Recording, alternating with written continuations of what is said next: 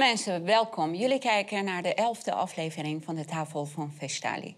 Vandaag hebben wij een speciale aflevering. We gaan namelijk een debat houden. En dat is anders dan wat jullie van ons gewend zijn.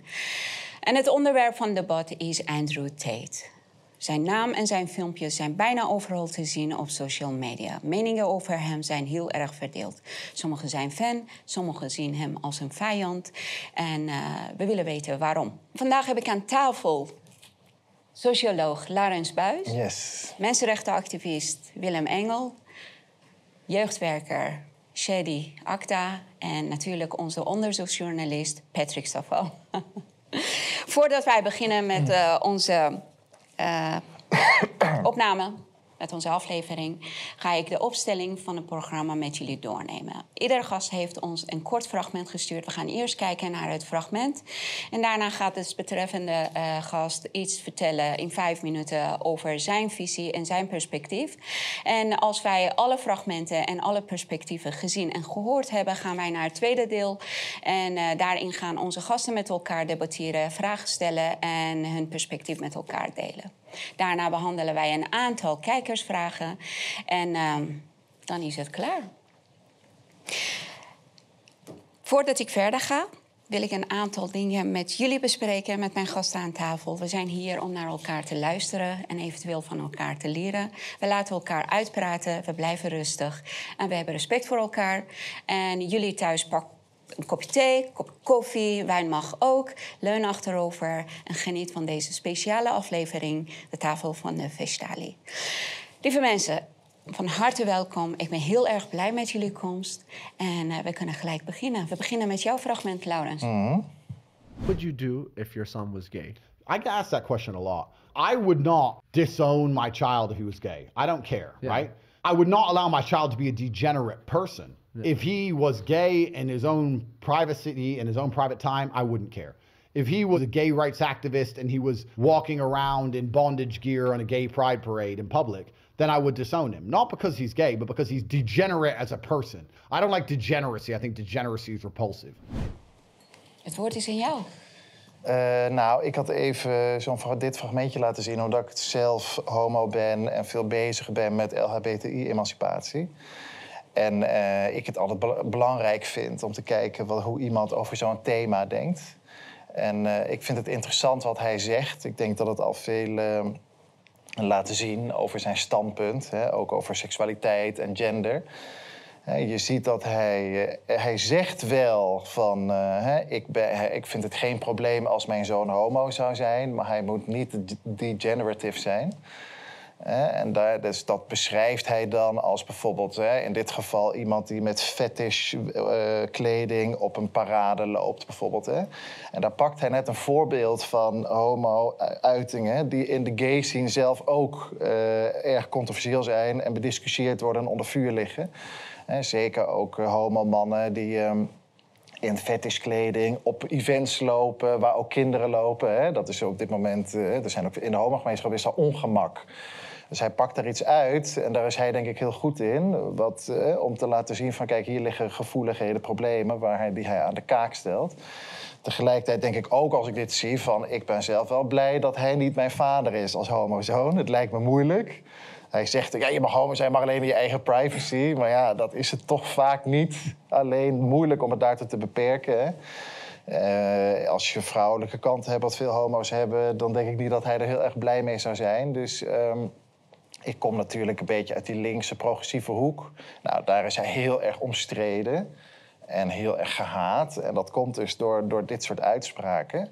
Ik vind het als socioloog ook heel belangrijk om um, nou, mijn eigen oordeel over hem even aan de kant te zetten. En ik zie dat hij heel veel controversies oproept. En ik vind het vooral als socioloog interessant om de vraag te stellen: hoe komt dat?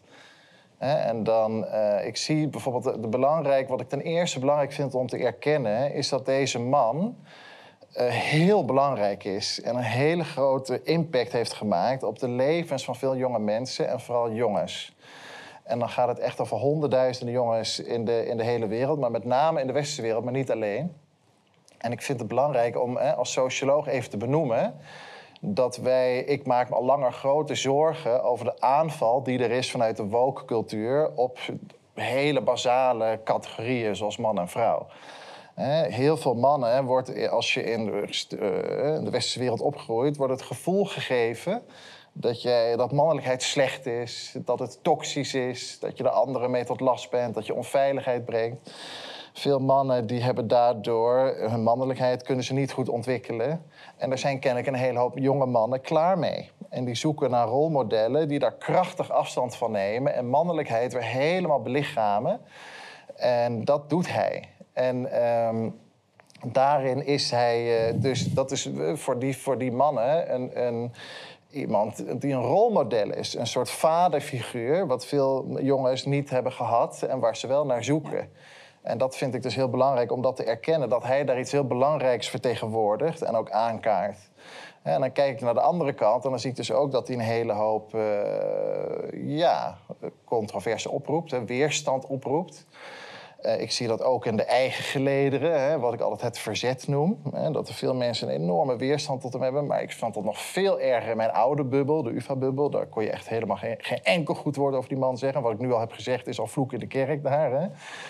Dus, ehm, en ik snap ook heel goed dat hij weerstand oproept. Hè. In heel veel opzichten eh, deed hij belichaam mannelijkheid weer. Maar hij doet dat op een hele traditionele manier.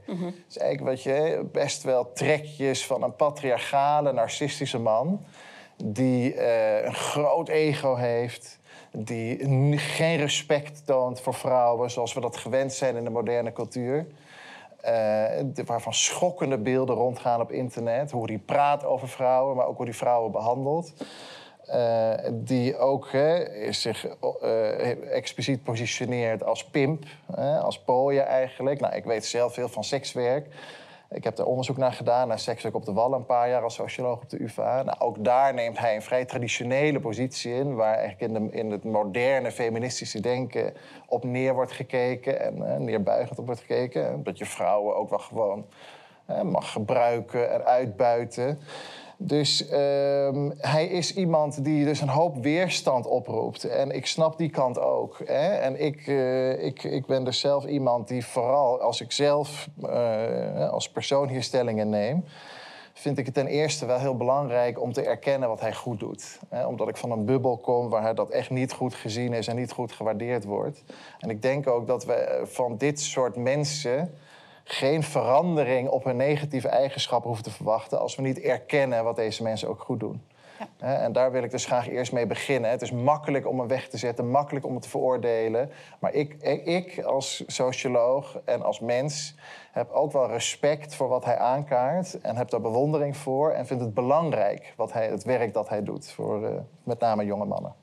Dankjewel voor het delen van jouw perspectief. Ja. Ik vond dat heel interessant. En nu komen wij bij jou, Willem. Kijken naar jouw fragment. Wat vond je van de uitspraken van Lange Frans? Eh Ricardo, moet je iets specifieker zijn? Als je bedoelt de uitspraak in zijn podcast dat hij denkt dat het eh, eh, er wel gaat komen dat iemand een, een, een, een moordaanslag op Rutte zal doen. Ja, ge- geen idee wat ik daarvan moet vinden. Als, als dat een optie is, ja, dat is altijd een theoretische optie. Dus ik, daar, daar kan ik niet zoveel over zeggen. Ik, eh, ik heb niet het gevoel dat hij heeft gezegd dat hij dat zelf zou doen. Dus ja, ik weet ik niet. Eh, Robert van Abendam, Willem, dat heeft hij niet gezegd. Er werd gesproken over leiders en dat kan iedereen zijn. Ja, maar dat, dat, dat is hoe de media werkt. hè. Er wordt alsmaar eh verdraaid. Maar ik, ik, ik weet wel hoe het zit. Ehm, Precies. Het vermoorden of buitenwerking stellen van bewindslieden lost niks op mensen. Dat soort geweld is heel dom en heel nutteloos. Niet doen. Het één poppetje uitschakelen, het gaat om het hele netwerk. Het gaat niet om de schuldige. Het is goed mogelijk dat eh, ook een premier Rutte helemaal niet weet dat hij bespeeld wordt. En, en dat, hij, eh, dat hij maar een pion is die, eh, die iets uitvoert. Dus het is heel gevaarlijk om dit soort uitspraken te doen. Eh, daar hoop ik dat iedereen daar verre van blijft. Ja, waarom ik dit eh, fragment heb genomen. Het eerste stukje, dat ging viraal. Dat was uit een, eh, een live, een Facebook live geknipt. En toen begonnen er, bepaalde de dagelijkse standaard en andere kranten... die begonnen erover te schrijven... Kijk nou, Willem keurt het goed dat er een oproep is tot een liquidatiepoging. Het tweede stukje zat er direct achteraan. En dit geeft aan dat je door knippen heel makkelijk een beeld kan scheppen van iemand. Dat hij geweld goedkeurt of dat hij zelfs crimineel zelf is.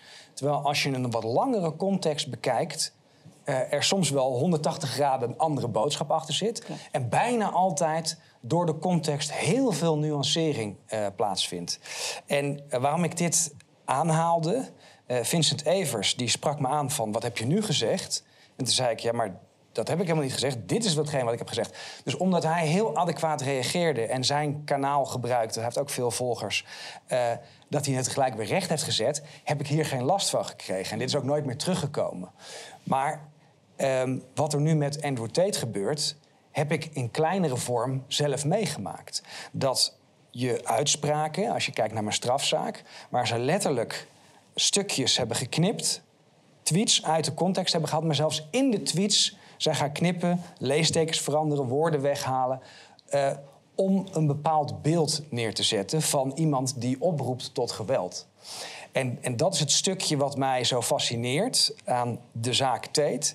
Eh, we gaan het nog veel hebben over de persoon Tate en waar die voor staat. Daar heeft Laurens al het nodige over gezegd ook. Eh, maar ik vind het heel fascinerend dat die framing en die aanval eigenlijk een bewijs is dat je het narratief onderuit haalt. En dat is Tate heel erg aan het doen. Zijn boodschap komt bij misschien wel honderden miljoenen mensen aan.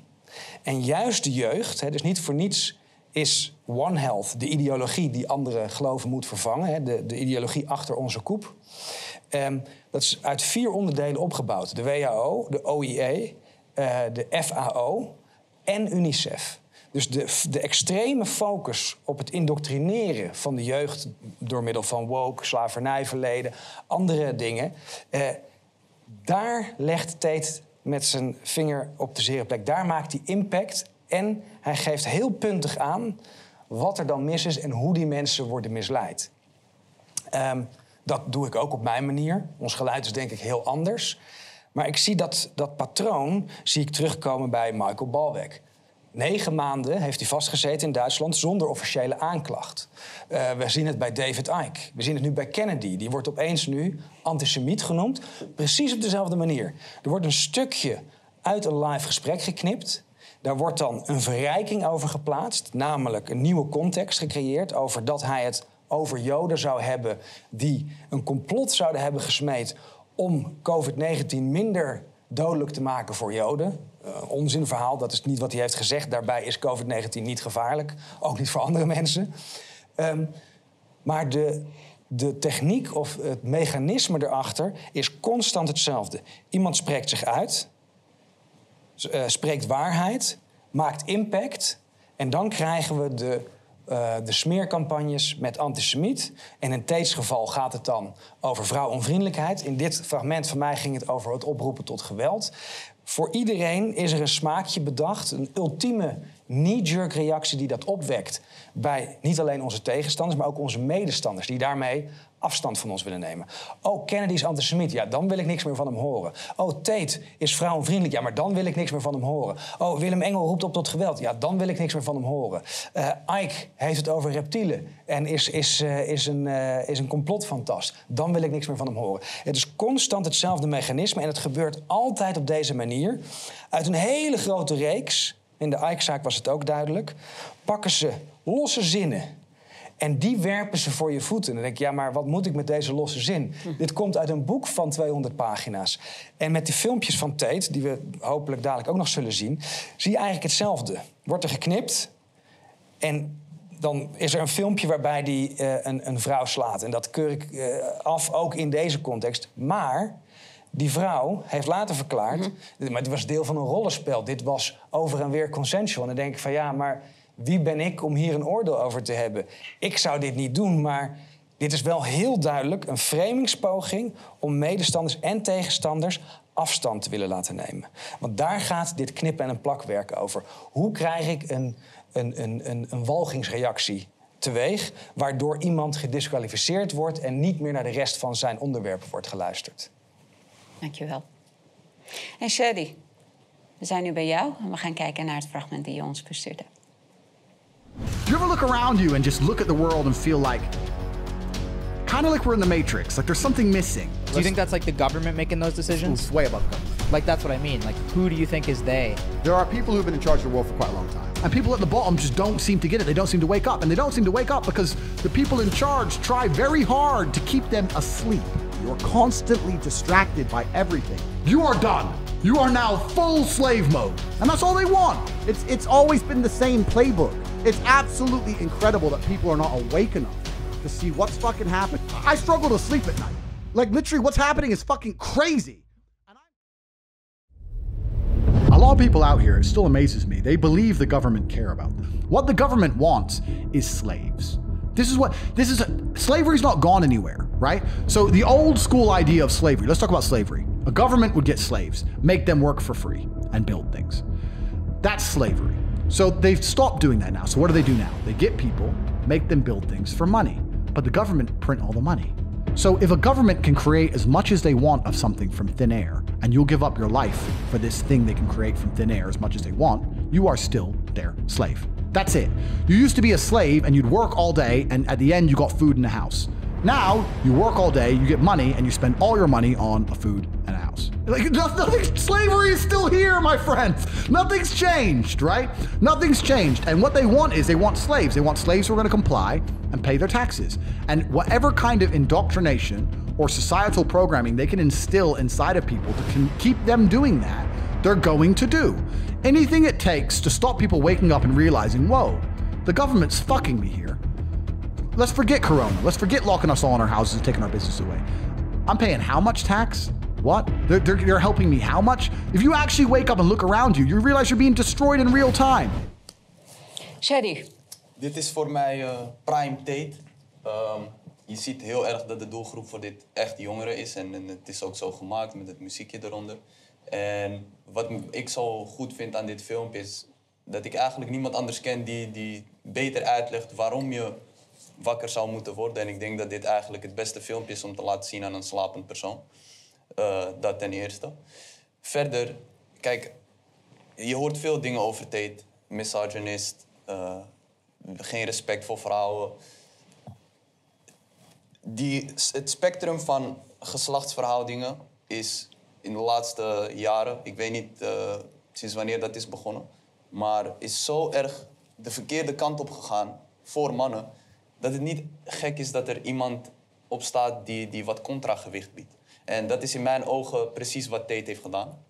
En dat dat extremistisch overkomt, ja, dat begrijp ik wel. Maar voor veel mannen is, is narratief wat, wat de laatste jaren heel sexy is...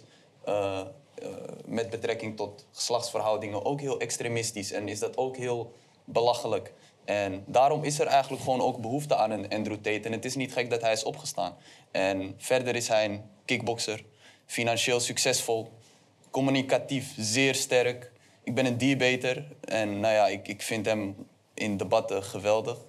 Ehm, en zo kan je maar blijven doorgaan met bepaalde aspecten van zijn persoonlijkheid die heel bewonderenswaardig zijn. En dat hij een aantal keer over de schreef gaat in zijn video's, ja, dat, dat is een deel van zijn charisma. En ik denk dat, dat, dat hij nooit zo groot was geworden als hij, die act, eh, als hij dat personage niet zou uitvinden. Dus dat moet je maar met, eh, met eh, een korrel zout nemen. En nou ja, wat betreft de rechtszaak gaat het ineens over TikTok, heb ik gehoord. Dus ja, die, die hoeven we niet serieus te nemen, heb ik het gevoel. Of Patrick denkt er anders over, denk ik. ja, maar we komen zo meteen eh, de- de- gewoon in onze de ver- vervolg gewoon met vragen en zo.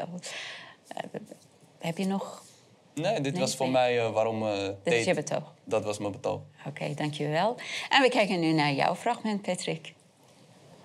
Is this your PhD program? PhD program. That's right. You want to talk a little bit about that? So yeah, on covertape.com, I have my PhD program, and that is uh, PhD is a pimp and hose degree that I'm. Um, Clever. And that, Clever. That, that that teaches basically how I got girls, how I met girls, how I got girls to like me, how I got girls to fall in love with me to work on webcam for me.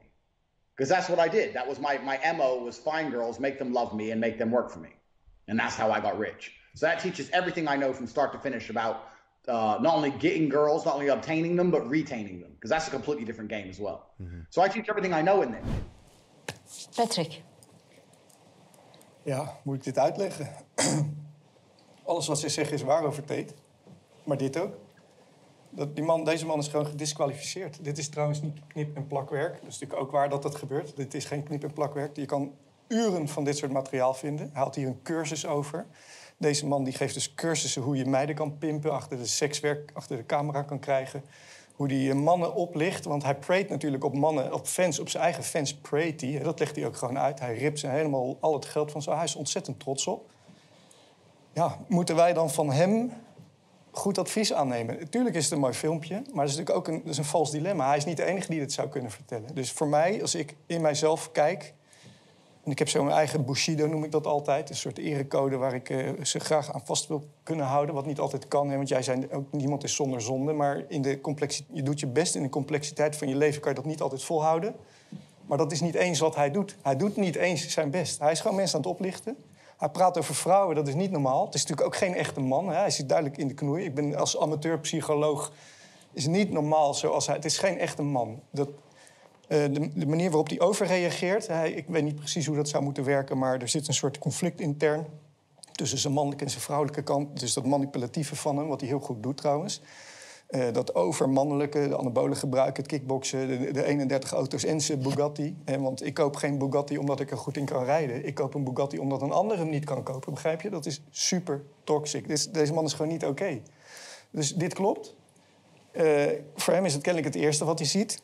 Ik eh, kijk al twintig jaar naar dit soort filmpjes. Dus eh, mij, hij zegt niks nieuws. Wat hij zegt zien we twee, drie jaar lang allemaal op Twitter. Ik denk dat niemand die Tate eh, in onze, in onze, laten we onze het verzet, wat ik ook een raar woord vind, iets nieuws van Tate heeft gehoord. Het is gewoon meer bevestiging. Het spreekt ze kennelijk aan wat hij zegt. En ze willen het nog een keer bevestigen. Begrijp je? Ik, ik, ik kan hier in goed. Ik kan hier vanuit mezelf helemaal niet achter staan. Ik neem er ook gewoon afstand van, van die jongen. Maar dat neemt niet weg dat hij hele goede dingen zegt. Maar die kan ik ook zeggen, alleen met minder publiek. Dus ehm, ja, ik heb er grote moeite mee dat we dan eh, respect gaan uitspreken. En, want dat verdient die man niet. Het is gewoon een loser. Het is een fucking loser. Oké. Ehm, en dat is jouw betoog? Ja? Daar hou ik het even bij. Oké. En we gaan nu naar de Ik ga het volgende... nu wel moeilijk krijgen hè, met vier tekens. Vier. Ik ben neutraal. hè. Ik zit nu nog neutraal hier. Nee, maar we gaan nu naar het volgende eh, deel en eh, gaan vragen stellen. Ik wilde beginnen met een vraag van, eh van Laurens. Gewoon aan Laurens. Heb jij een vraag naar aanleiding van een fragment die jij gezien hebt? Maar jij, jij zegt hij praat heel erg slecht over vrouwen en hij zegt alleen maar zulke dingen. Heb mannen, jij hem de laatste tijd ook zulke dingen horen zeggen over vrouwen? Nou, daar is die. Ik weet niet wat het uit zou maken, maar hij heeft twee kanten. Hè? Dus hij zegt, hij, zegt, hij zegt hele prachtige dingen. Nogmaals, niks nieuws. Hè? Als je naar Corbett Show of Corbett Report luistert, of je, die roepen dit al twintig jaar. En toen wij, toen wij begonnen, twintig jaar geleden, toen dachten we, nou, we zitten op iets nieuws. En al heel snel kom je erachter dat ze in de jaren 50, 60, 70 ook al deze dingen bespraken. Dus hij zegt hele goede dingen. Maar hij zegt wel degelijk, het is geen knip- en plakwerk, het is niet zijn verleden, dit is wie die man is. Het is, het is misschien zelfs zijn echte ego, niet eens zijn alter ego. Ik denk dat hij ons in de maling neemt met zijn mooie verhaaltjes. Hij heeft natuurlijk nu een soort groot publiek gevonden. Misschien hoopt hij ook wel onder die enorm serieuze aanklacht. Het gaat niet zomaar over TikTok. Hè. Als je die aanklacht leest, dat is een super serieuze aanklacht. Er zijn ook vier meiden die tegen hem aangifte hebben gedaan. Dus de vraag is, wie is de echte Tate? Maar voor mij, nogmaals, dit gaat te ver. Ik heb niets met die man. Gaat helemaal buiten mijn normen en waarden.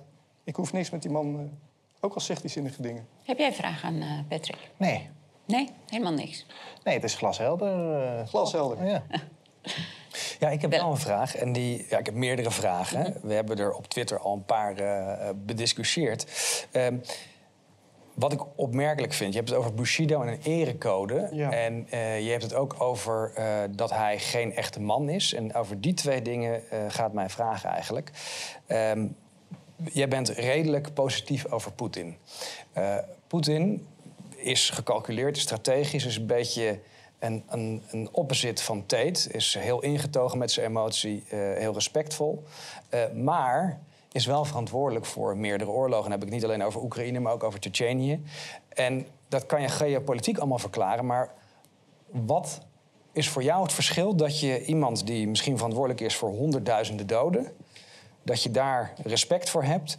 En iemand die vooral in mijn ogen heel puberaal is en eh, ze, ja, onvolwassen, maar bij mijn weten niemand heeft vermoord en niemand heeft verkracht, dat je die disqualificeert.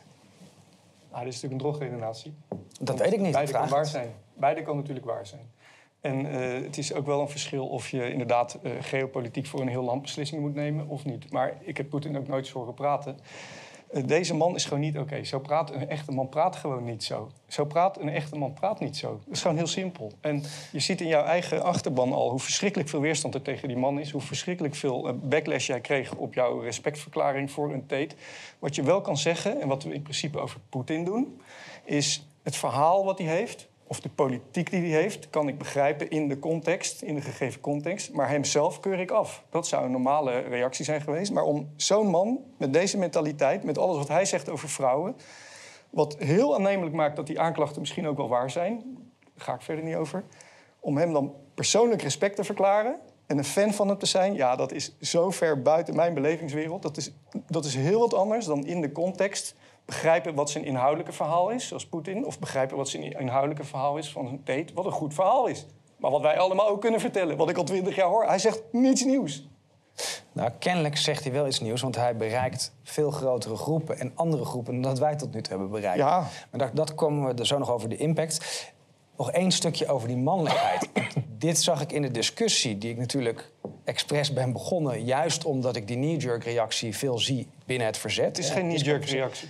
Ik, ik noem het een knee-jerk reactie, daar komen we zo nog op terug. Mijn vraag gaat over wie definieert mannelijkheid en wat is mannelijkheid voor jou? Want ik denk dat we daar ook weer op een definitiediscussie zitten. Jij wil dat mannelijkheid iets anders betekent en ik heb erover nagedacht. Zoals ik het nu zie, als ik even naar het Griekse pantheon ga, jouw mannelijkheid is Zeus en de mannelijkheid van Tate is Ares. Hij is de strijder, hij wil oorlog, hij wil vernietiging. En jij wil naast dat alles vooral bescherming en veiligheid. Eh, maar ik, dat is mijn invulling. Hoe kijk jij daarnaar? Nou, een echte man is geen vrouwenhater. Dat is heel simpel. Een echte man beschermt zijn familie, beschermt zijn vrouw. Hij zit ook ontzettend dubbel te praten. Hè? Want aan de ene kant zie je urenlang video's over hoes... en zijn eigen vriendin is, is de bottom bitch die de andere moet recruiten. Urenlang zit hij zo te praten over vrouwen. En dan zit hij daar zo'n rolletje te spelen bij Tucker. En dan doet hij eens alsof hij de family man is. Dat geeft natuurlijk al aan dat hij gewoon een, een soort eh, verhaaltje zit te houden. Voor mij is een echte man gewoon een rustige man. Een- kijk, manip- manipulatie voor mijn gevoel is ook geen mannelijke eigenschap. Een, mannelijke, een goede man Een, een leeuw op de rot, die, die, die kan gewoon een beetje uit kracht en rust. Kan die, dat is geen vrouwenhater, dat is geen manipulator, dat is geen... Ik, ik vind het een loser. Ik vind het serieus, ik vind het serieus een fucking loser. Als ik die gast in mijn sportschool zou zien, ik, ik, zou, ik zou echt aankijken, jongen. Koekoek, koekoek. Even, even Shadi aan het woord. Ja, kijk, eh, twee dingen. Ten eerste ja, hoor ik je zeggen host. Ik vind het niet per se slecht om het woord host te gebruiken. Er zijn gewoon eenmaal hosts. Net zoals er inderdaad losers zijn, waarvan ik mijn dochter ook zou afraden om met zulke gasten te praten. En ik wil even op, op dat moraliteitsgedeelte waar je het over hebt inhaken. Kijk, ik hoor eigenlijk dat jij gewoon super veel respect hebt voor Tate. Alleen je wilt het gewoon niet erkennen. Omdat je- ik ben een, een product van, van, van 2002. Eh, we weten allemaal hoe wereld is. Dat is mijn bouwjaar. We weten allemaal hoe de wereld is en hoe, hoe, hoe moraal heel ver te zoeken is en hoe dat eigenlijk niet meer aan mannen geleerd wordt. Hij is iemand die daarin het voortouw neemt.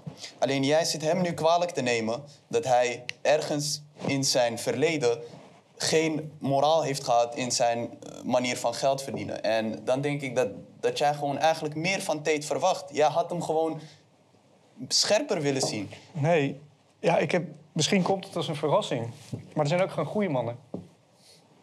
Ik weet dat je even, even moet laten inzinken, maar er Ja, zijn ja, ook gewoon goede mannen. Hè? Het, is, het, is geen, het is een vals dilemma wat je hier legt. Dus kennelijk moeten we kiezen tussen inderdaad de softies en de soyboys en de wokies van vandaag en Tate. Maar er zijn ook, ertussenin zit een heel spectrum. Er zijn ook goede mannen. Echte mannen zijn er ook, geloof wil ik even wat op inbrengen. We komen nu weer uit in die dualiteit. Moeten we kiezen? Ik geef een spectrum aan. Dus wat hier ligt is een vals dilemma. We moeten dus kiezen. Het is of het een of Tate. Dat hoeft helemaal niet. Nou, ik, voor mij is Tate onacceptabel. Jij bent heel stil, ja. Nou, ik denk dat het ook belangrijk is. Hè? Van, kijk, ik hoor inderdaad nu ook van... is hij een goed mens of een slecht mens? Is hij een echte man of geen echte man? Hè? Alsof we moeten kiezen. Ik zie in hem eh, allebei. En dat vind ik, hem, vind ik ook zo interessant aan hem. Ik vind dat hij hele goede dingen doet en moed toont en opstaat. En ik zelf vind dat hij walgelijke dingen doet en zegt waar ik eh, erg moeite mee heb. En hetzelfde met zijn mannelijkheid. Ik zie sommige dingen waarvan ik denk, wauw, daar kan ik ook van leren. Als iemand die mannelijke rolmodellen zoekt. En ik ben het ook helemaal eens met wat jij zegt. Dus ook mijn definitie van een echte man. Die is ook echt helemaal in het reinen met zijn eigen vrouwelijkheid. Nou, dat heeft hij niet. Dus ik zie dingen die hij eh, wel heeft en niet heeft. Kijk, voor mij, wat mij betreft, ik kijk altijd naar... We gaan, in mijn ogen zitten we in een transitie naar de nieuwe wereld toe. Eh, Tate is in veel opzichten ook nog niet in de nieuwe wereld. Niemand zit daar nog. Hij heeft het zeker ook heel veel schaduwzijde, zoals Jung dat noemt. Daar ben ik er- er- er- erg fan van.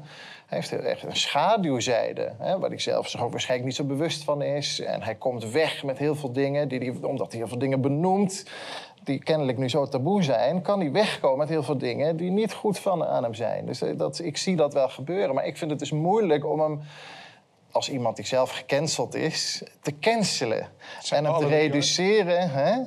Maar we Zijn cancelen hem allemaal hier niet. We cancelen Nou, jij hem. zegt, zijn- je neemt afstand van hem, je hebt Ja, hem maar afgeschreven. Je vindt er, hem, zijn, er zijn grenzen aan wat je voor jezelf, voor je eigen moraal acceptabel vindt of niet. Ik wil, maar als ik heel even Ja, maar ik was één ding mag... klaar. Oké. Want Ik ben dus echt heel door. principieel ben ik tegen alle vormen van canceling. Dus ik- dat is echt voor mij een principe kwestie geworden. Door wat ik zelf heb meegemaakt. Dus hier had ik een jaar geleden ook anders over gedacht. Maar door wat mij zelf is overkomen, denk ik, ik wil het gewoon niet meer. Een persoon helemaal reduceren tot één ding, één punt, één mening. En verder niks. En afschrijven, afstand nemen en eh, weg ermee. Ik heb daar echt hele grote moeite mee. Ik denk ook dat je die man dan tekort doet. En dat het ook geen oplossing is. Op het moment dat we in deze dynamiek terechtkomen... dan gaat hij verder radicaliseren. Want dan heeft hij geen aansluiting meer. Laat hem maar. Ja, ik maak me daar dan dus grote zorgen. Want die man heeft honderdduizenden... eh, of Miljoenen. honderden miljoenen volgers. miljoenen Maar dat- volgers. Ik vind ook dat we... Hè, we zitten in een, in een eh, gevecht tegen een totalitaire wereldorde... die ze aan het oprukken is. Die in mijn ogen 20-0 voor staat. Ik vind ook dat we niet heel veel luxe hebben om te zeggen... jij mag wel het verzet en jij niet. Deze man heeft een mega platform. Ik zou vooral zeggen, laten we kijken hoe we aanhaken. En natuurlijk niet marchanderen met je eigen principe. Want Patrick, laat ik dat even benadrukken. Ik vind het fantastisch hoe jij je uitspreekt tegen zijn schaduwzijde... die ik ook zie. Dan ben ik het als persoon met jou eens. Alleen ik vind niet dat dat het enige is wie die is. En daar wil ik dus een pleidooi voor maken. Laten we die man in zijn veelzijdigheid zien. En ik denk dat we in een wefvalkuil stappen als wij eh, als onderling, eh, het ik blijf het toch maar het verzet noemen, dan heb jij kennelijk moeite met dat woord. Als wij onderling elkaar hierover in de haren vliegen en hier niet met nuance over kunnen praten, denk ik dat we, dat we het WEF een dienst bewijzen. eh, Omdat we dan dus ons uit elkaar laten spelen. Dus ik vind het heel belangrijk om aangehaakt te blijven wat hij goed doet. Sterk uitspreken wat hij niet goed doet. Ik echt, je oordeel is er, mag er zijn, is terecht. Maar is niet alleen, zou ik het een oproep toe willen doen, niet alleen Maar dat oordeel. dat is toch precies wat ik zeg. Het is geen cancelen dit. Hè? Het is gewoon grenzen trekken aan wat jij toelaatbaar vindt en niet. Dus we zijn hem niet aan het cancelen. Wat ik zeg is, zijn verhaal is goed. Kan je gewoon naar luisteren. Maar om hem nou persoonlijk respect naar hem toe uit te spreken... wat hij trouwens doet, is eh, helemaal niet gunstig voor het verzet. Hij gaat ons niet, even romantisch gesproken... naar een betere, eh, verbondere wereld brengen. Wat heeft hij voor hem gedaan dan? Ik vind het fantastisch wat hij dat Luister wat hij geleerd heeft. Hij leert ons om binnen het systeem een roofdier te worden. Hij praat openlijk over hoe hij mannen kan oplichten. Hè, zijn bitches en dit en dat. Die filmpjes. doet hij al heel lang niet Ja, maar meer, dat hè? is... Nou, Nee, maar Nee, hij is Patrick, vijf, vijf maanden geleden voor gearresteerd. Patrick, ik heb op, op de basisschool seksuele voorlichting gekregen en daar vertellen ze mij: masturberen, helemaal geen probleem mee. Lekker doen. Tate is niet de eerste, maar voor veel jongeren wel de eerste die vertelt: hey, stop met masturberen. En als veel van die jongeren dan niet, of mannen, volwassen mannen vaak, niet luisteren en hun geld lekker naar webcam chicks sturen, ja, dan is dat toch hun persoonlijk probleem. En ik hoorde jou net zeggen dat hij misschien voor mij de eerste is van wie ik dit hoor. Nee, dat is hij zeker niet. Maar ik denk wel dat hij, dat wij, ik, jij en Alex Jones ons meerdere moeten erkennen in Andrew Tate. En hij heeft dit pas in twee jaar gedaan. En dan is het juist nog ik heb erger dat jij niets 40 nieuws jaar bezig gehoord bent. van Andrew Tate. Hij niks nieuws, recycled, hij- hij... heeft een verhaaltje gevonden wat kennelijk goed aanslaat. Hij heeft een groot publiek, wat ik verdacht vind. Kunnen we het ook nog over hebben. Maar hij, als je naar de Corbett Show, als je naar Alex Jones... als je naar al die anderen, ook op onze eigen platform, broeder... Hij heeft niets nieuws verteld. Sterker nog, alle bekende onderwerpen vermijdt hij. Kunnen we ook nog over hebben. Maar vind jij het normaal dat wat hij vertelt over vrouwen, hoe hij mannen bestilt, hoe hij mannen helemaal zover krijgt eh, door, door hun huis, al hun bezittingen, door ze op te lichten, dat, dat, is, dat kan je toch niet normaal vinden, jongen? Vind Je- ik je moet- zeker niet normaal. Ja. En ik ben moslim en ik, dat is haram, zoals hij dat zou Ja. zeggen. Alleen één ding. I don't hate the player, I hate the game. Dus ik neem hem niet kwalijk dat hij in dat grijze gebied opereert als het van de wet mag. En de wet is toch wel het enige morale leidraad wat wij krijgen als man. Nee, We gaan even... le- eh, je, Ik hoor hier een paar dingen. Ehm, ik zie in Tate ook een, een eigenlijk klassieke eh, ontwikkeling van de protagonist. Eh, doelloos, op de verkeerde weg in zijn leven... eh, naar het geloof vinden en zich ontwikkelen... en zich steeds bewuster worden van zijn rolmodel... en het systeem aanvallen... terwijl hij juist een van de winnaars van het systeem is. En dat maakt hem voor mij juist wel geloofwaardig. En dan kom ik op dat juridische. Je zegt hij is daar vijf maanden, Nou, volgens mij is het zeven ze maanden hebben een aanklacht neergelegd. Wacht, wacht even. Zeven maanden geleden is hij opgepakt, zonder aanklacht. En dit ken ik inmiddels, want dat gebeurde bij mij ook. Met een of andere onzin aanklacht die later dan weer is aangepast. Michael Balweg is het mee gebeurd. Eh, we hebben het, dit patroon veel vaker gezien. En dat je dan dat als bewijs aanneemt, terwijl je weet dat de Deep State hem heeft opgepakt, iets heeft gefabriceerd, wat ze nu alweer aan het terugfietsen zijn, want er staat geen verkrachting in. Het enige wat er van die aanklacht nog over is gebleven, is mensen misleiden om pornografisch materiaal te ontwikkelen op TikTok en eh, eh, Fa- OnlyFans. En daarmee eh, hebben ze eigenlijk zichzelf in de voet geschoten. Want de claim die ze maken dat hij heel gevaarlijk is en dat hij direct moest worden opgepakt, is duidelijk niet waar. Waarom hebben ze hem opgepakt? Maar dat geloof ik allemaal. Hij, niet omdat hij eh vrouwonvriendelijk was. Vrouwonvriendelijkheid is namelijk eh, common good nog steeds in onze wereld, helaas. Nee, omdat hij tegen het regime was.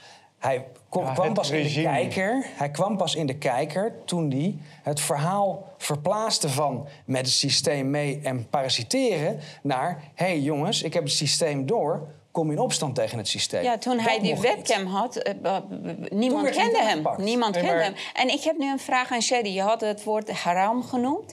Eh, hij is heel erg rijk geworden samen met zijn broer door webcam. En in islam, en geld die jij verdient op een haram manier... die mag je niet houden, die moet je allemaal weggeven. Wat gaat hij met zijn eh, eh, gigantische kapitaal doen?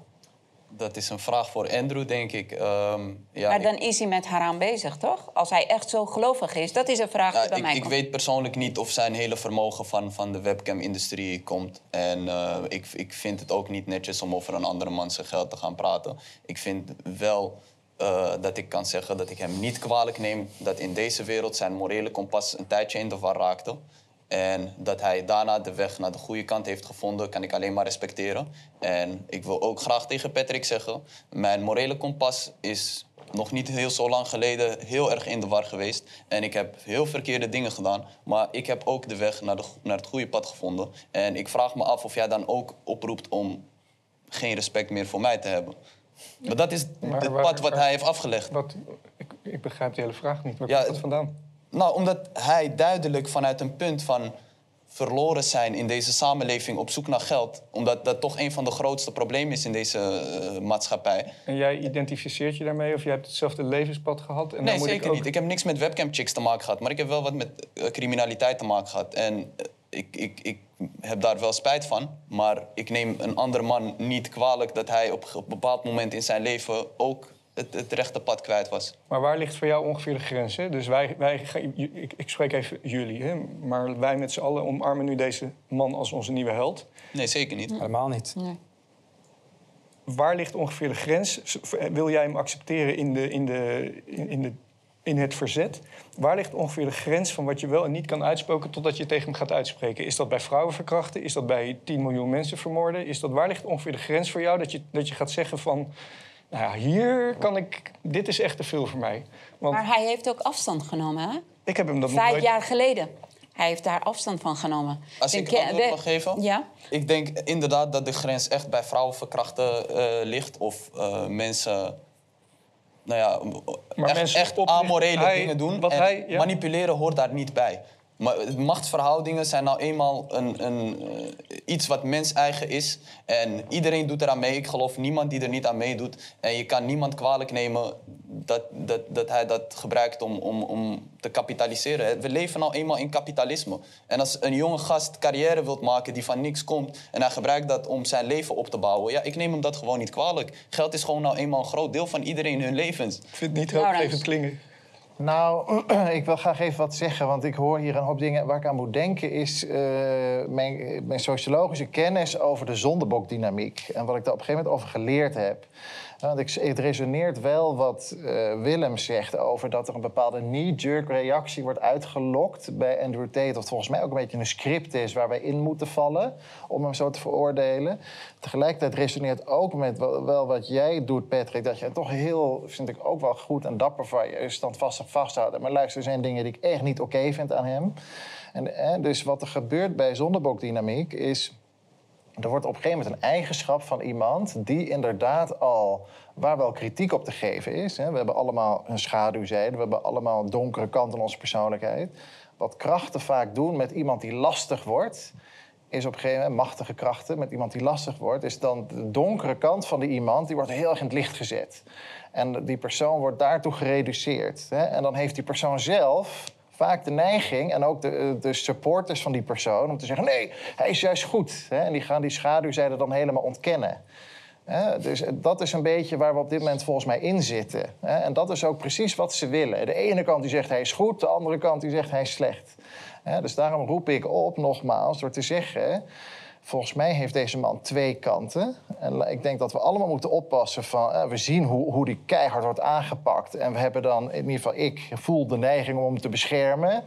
En moet daar weer oppassen dat ik niet doorsla door te zeggen... maar er is dus niks met hem aan de hand. Natuurlijk is er van alles met hem aan de hand.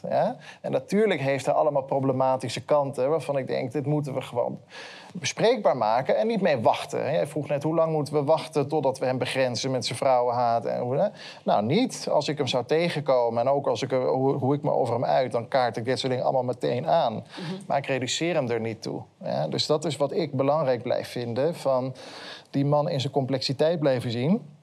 We zitten allemaal in dat pad van donker naar licht. We moeten allemaal afrekenen met de demonen die in ons, allemaal zitten. Dat is een klus van ons persoonlijk. Hè. We hebben allemaal dat kruis te dragen. Andrew Tate heeft zijn eigen kruis te dragen.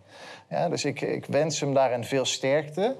En ik zal hem confronteren waar ik dat nodig acht. En ik zal hem steunen waarin ik dat nodig acht. En verder wens ik hem het beste. Zo sta ik er een beetje in. En hoop ik dat hij helemaal, net als de meeste anderen van ons, naar dat licht komt. Waar we allemaal nog niet zijn. Ook jij niet, Patrick. Ja. En Willem.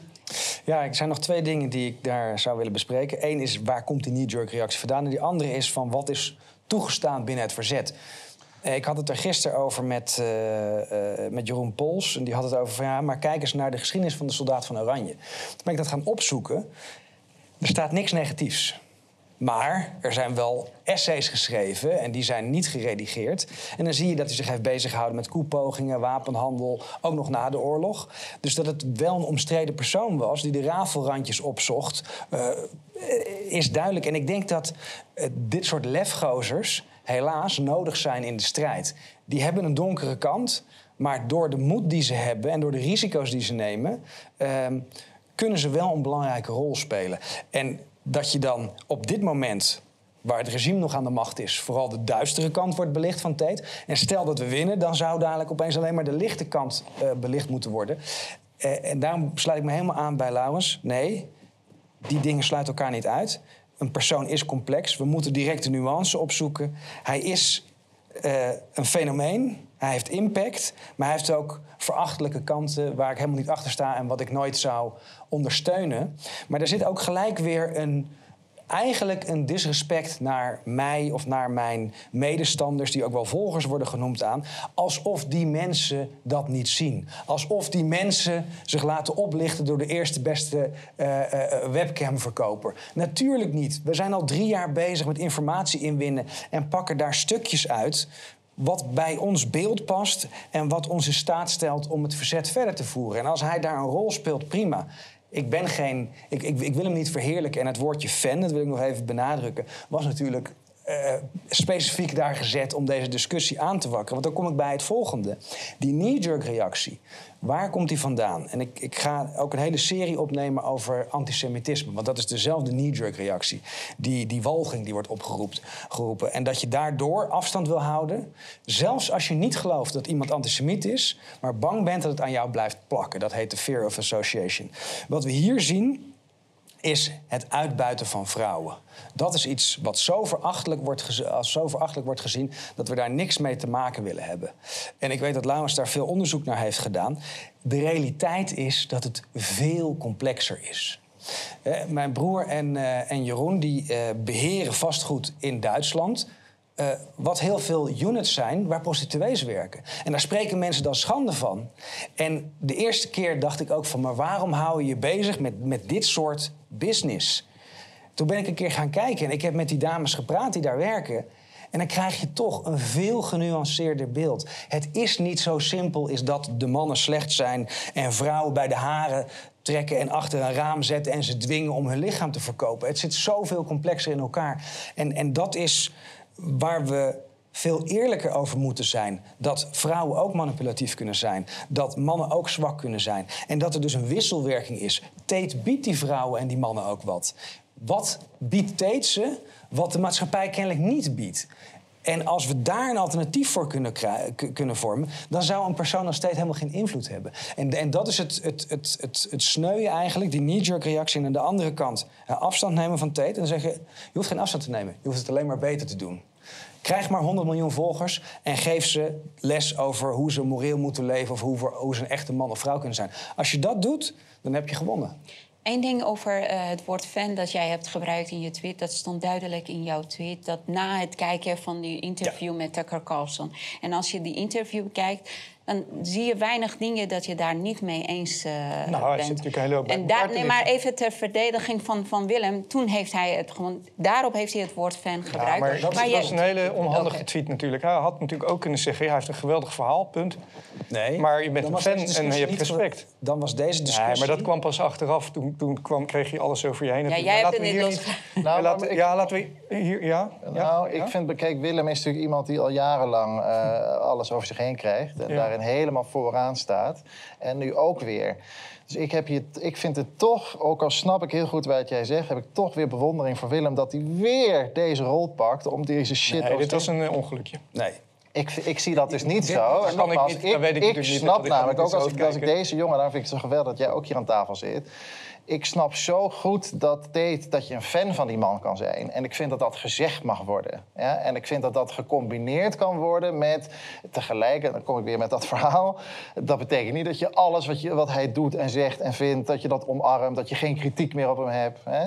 Ik vind het dus... Ik, ik heb wel bewondering voor Willem... dat hij weer eens een keer dat heet hangijzer eh, oppakt. Ik durfde dat niet te zeggen. Ik ben ook geen fan van hem. Maar als ik het wel was geweest, had ik dat niet durven zeggen. En ik snap het heel goed. En ik vind het belangrijk dat die stem be- eh, Ik wil belichaamd even wordt. Patrick horen. Nou, nou even los. Ik, ik, ik- ook even al hoe dat gisteravond zich eh, voltrok. En de taal die ik ook hier aan tafel hoor.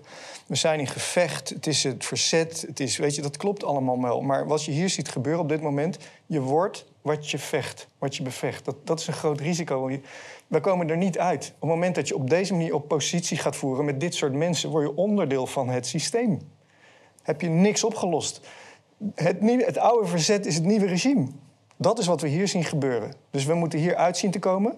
Ik zie geen enkele afstand, hè, moreel, van, van, van, laten we zeggen, de situatie waar we in zitten. En ik zie nauwelijks afstand. We zijn, we zijn inhoudelijk over wat deed wel en niet. Het is... Dus you become that what you fight the most. Dat is wat je hier ziet gebeuren. Ook de, de taal van wat er allemaal, waar, hoe, hoe we erin praten... en gevecht en oorlog. En weet je, dat gaat het nu worden. Dus Nee, maar ik denk wat zij nu verdedigen of daarover praten... is dat gewoon, eh, we, he- we hoeven niet een, een saint te hebben... maar goede eigenschappen, goede daden in één persoon mag benoemd worden... Ja, en eh, het. bewonderd eh, te worden. En wat jij zegt, je zegt, ik ken jou, je bent een enorm rechtvaardig persoon. Het is echt, je bent, je bent zelfs bereid om... Nou, je leven daarvoor op te geven. Maar eh, die- die- voor jou is dingen die hij gedaan heeft... en jij hebt op internet dat gezien...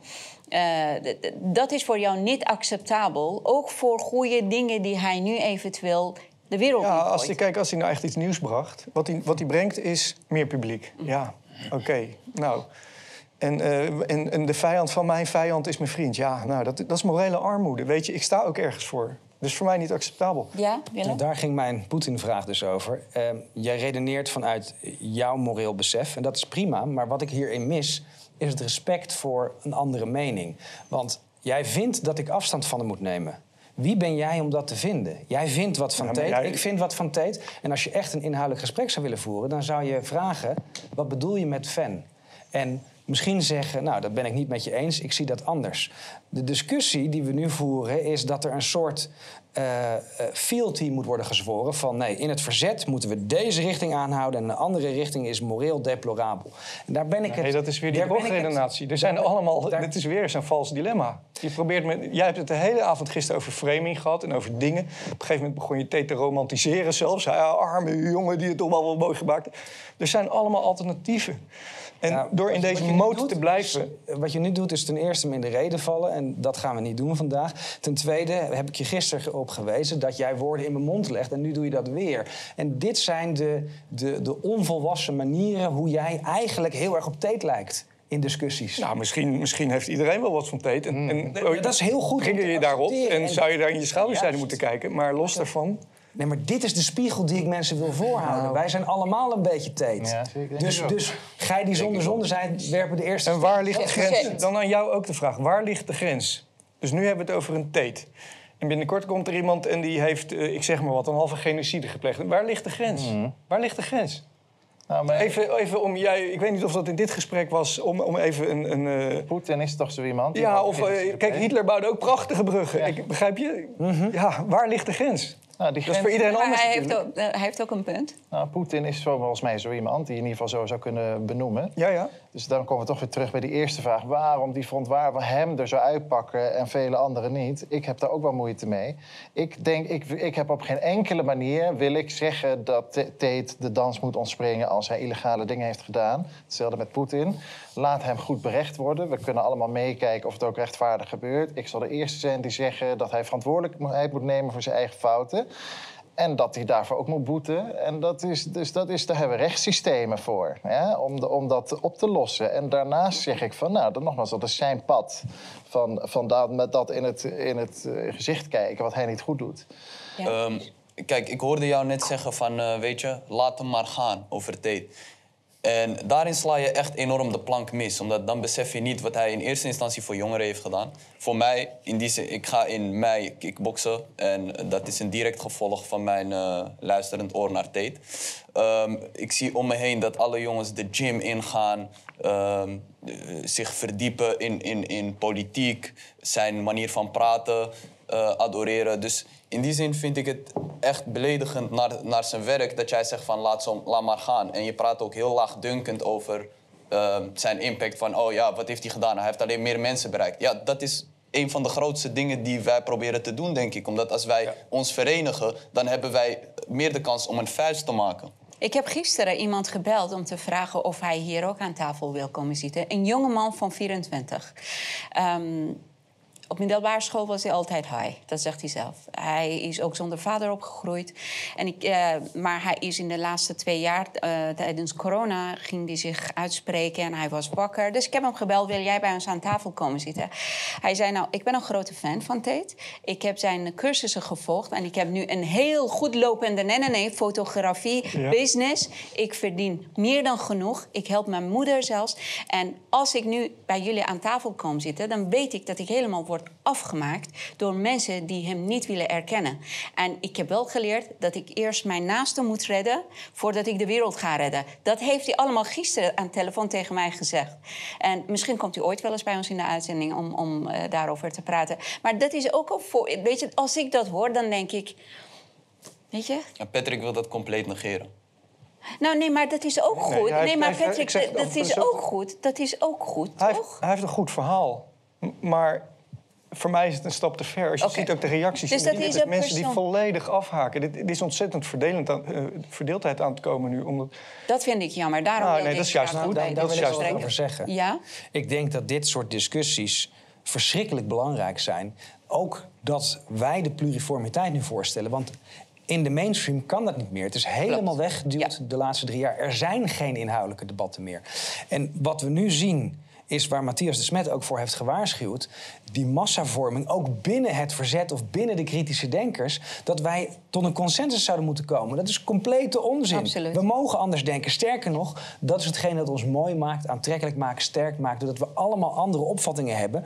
maar wel een denk ik, zelfde waardeset aanhouden... die vooral over liefde, waarheid en vrijheid gaan. Ik, ehm, jij moet over een kwartier weg, hè? Dus ik moet ook op tijd letten. Ik denk dat wij... ehm, zijn we met elkaar eens dat dit ook een eh, tweede aflevering waard is? Dat we nog een keer bij elkaar komen om dit verder te bespreken? Nou, Nee? ik, nou ja, ik, natuurlijk, ik kom graag het aan, maar alles is volgens mij gezegd. Nou, mensen moeten nu een thuis... teamgenoot eh, voor Patrick dan. ja, Nou, mensen we gaan moeten nu- thuis gewoon eh, hun mening We vormen. gaan kijken ja, wat, wat voor reacties wij onder eh, onze aflevering krijgen. We gaan nu naar kijkersvragen. We gaan een heel snel aantal kijkersvragen behandelen. En eh, dan kan jij ook op tijd eh, naar je volgende afspraak. Dit is de kijkersvraag van mijn stalker, zo te zien. Dit, dit gaat nog over eh, het punt van verdeeldheid, wat, eh, eh, wat Patrick net aanhaalde. We weten dat de NCTV met hun trollenlegers hier helemaal op, op, ja, op jubelen. En die denken van, ah, er is een breuk in het verzet, laten we daarop doorduwen. En daar sta ik helemaal aan dezelfde kant met Patrick. Dit laten we niet ons verdelen. We hebben een, een meningsverschil en daar kunnen wij als volwassenen over praten. Tegenstelling Ja. tot de andere kant.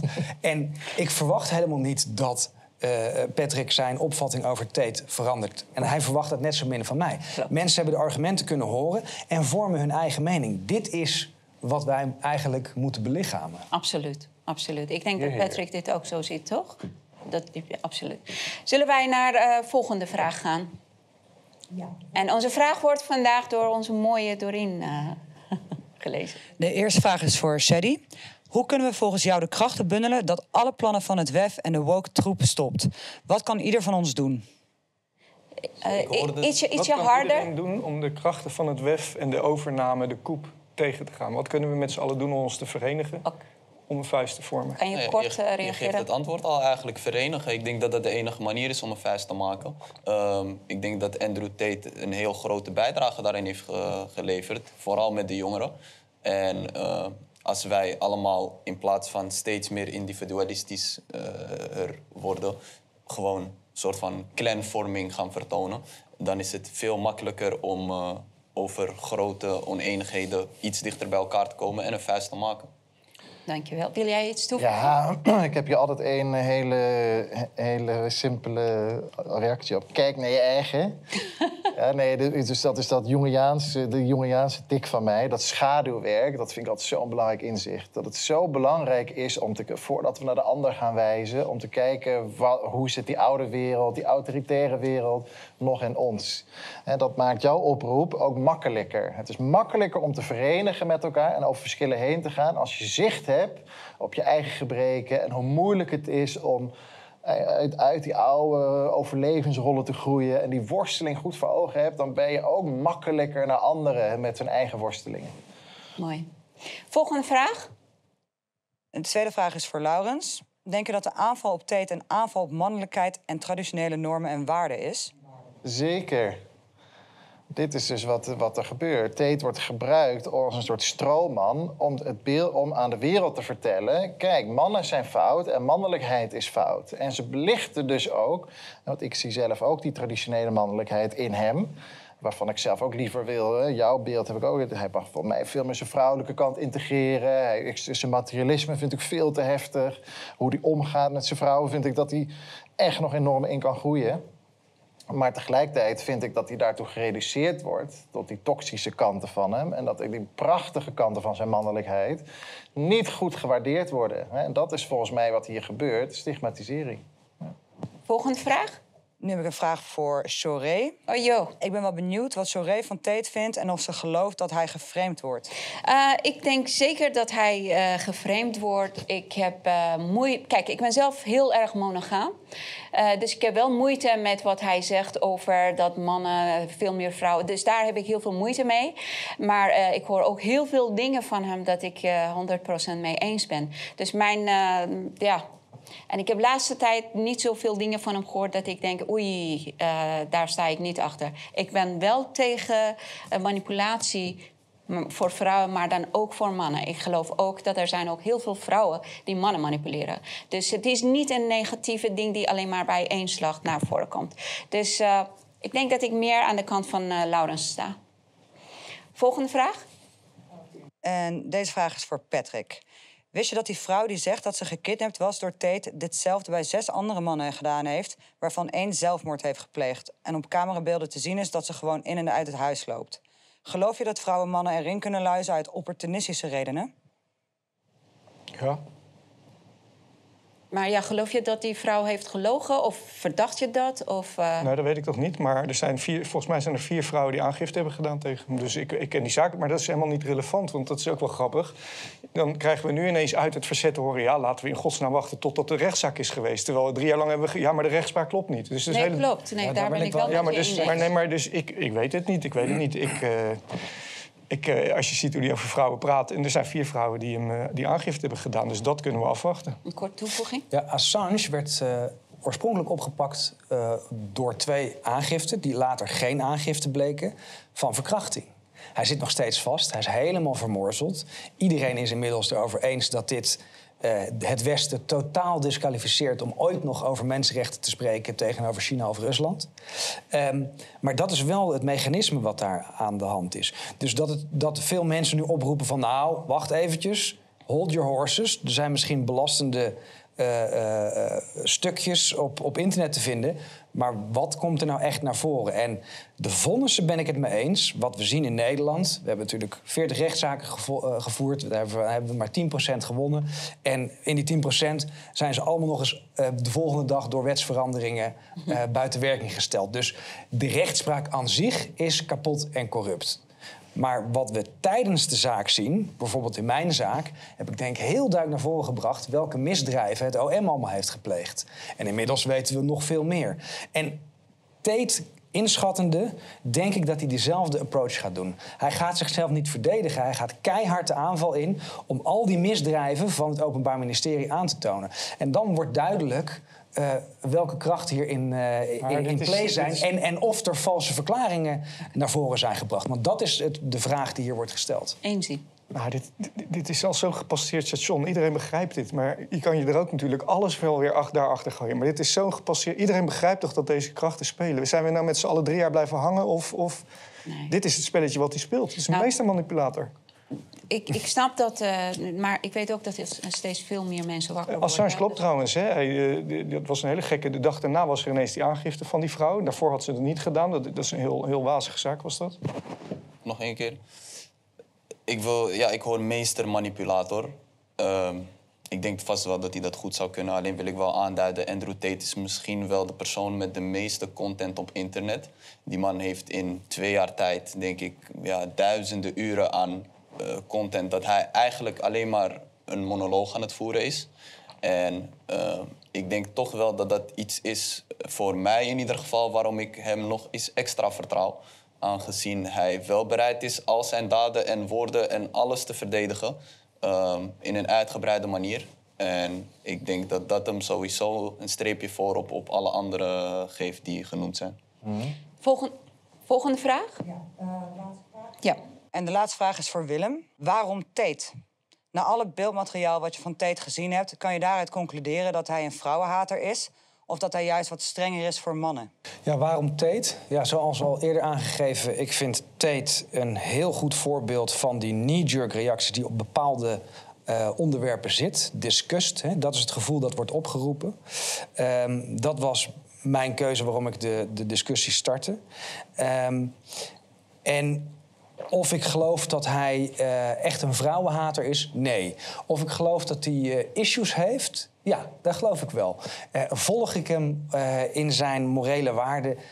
Eh, nee, alleen in zijn strijd en in zijn boodschap. Maar als emotioneel persoon zie, ik hem echt nog als puberaal en zeer onvolwassen.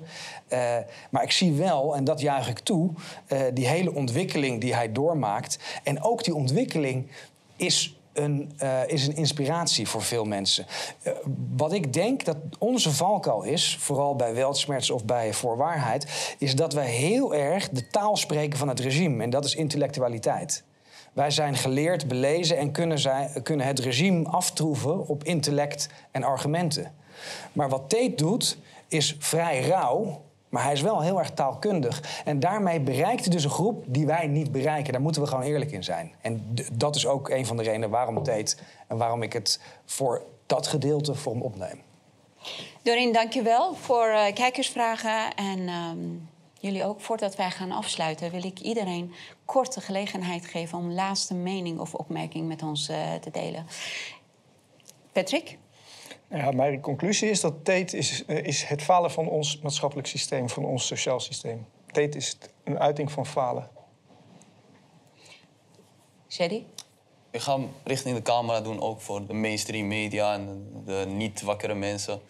Stop met denken dat jongeren zo naïef zijn dat ze een, een personage en een, eh, een act niet, eh, hoe zeg je dat, geen onderscheid kunnen maken tussen zijn personage en zijn eh, realiteit. Ik vind dat heel beledigend eigenlijk, omdat jongeren zijn daar best wel capabel toe. En eh, nou ja, jongeren par- laten participeren is, is iets waar ik me ook sinds mijn jongere jaren mee bezig heb gehouden. En het is echt niet zo makkelijk als het lijkt. En eh, dat hij het heeft weten laten te lukken, dat, eh, daar verdient hij ook mijn respect voor. Willem? Ja, eh, ik vond het een hele prettige discussie. Ik hoop dat we dit veel vaker gaan doen. En, en mijn hoofdpunt blijft, die knee-jerk reactie... dat is iets waar het verzet naar moet kijken. Als wij consensus willen gaan afdwingen binnen onze eigen groep... dan zijn wij inderdaad het systeem. Want dan hebben we een dualiteit. Zij zijn fout, wij zijn goed. Dat is niet de realiteit. En zo kunnen we de maatschappij niet een nieuwe, betere wereld maken. Laurens? Nou, ehm, ik zit toch heel erg met eh, hoe kunnen we de dingen die ons niet bevallen aan hem, wat ik heel goed snap dat we die zien, hoe kunnen we die scherp en ongecensureerd blijven uiten zonder hem los te laten. Dat vind ik zelf heel belangrijk vanwege mijn allergie op eh, cancelen. Dus alsjeblieft eh, kritisch zijn op hem, maar kunnen we dat doen zonder hem los te laten? Dat vind ik een belangrijk ding. En ik denk dus dat het daarbij helpt om die vraag te stellen van hoe zit die Tate ook in mij? Iedereen bedankt. Wacht, wacht, wacht. En jij?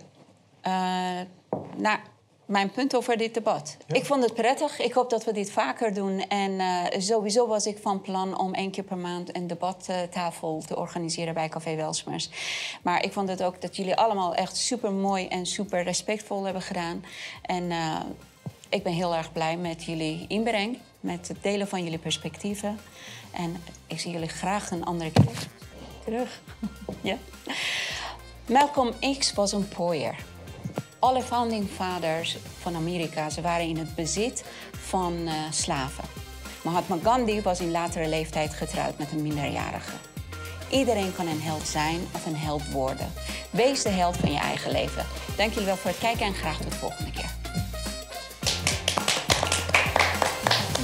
Vonden jullie het goed? Ja, ik vond het heel goed. Amazing. Mooi. Ja, heel goed. Jij? Ja, leuk.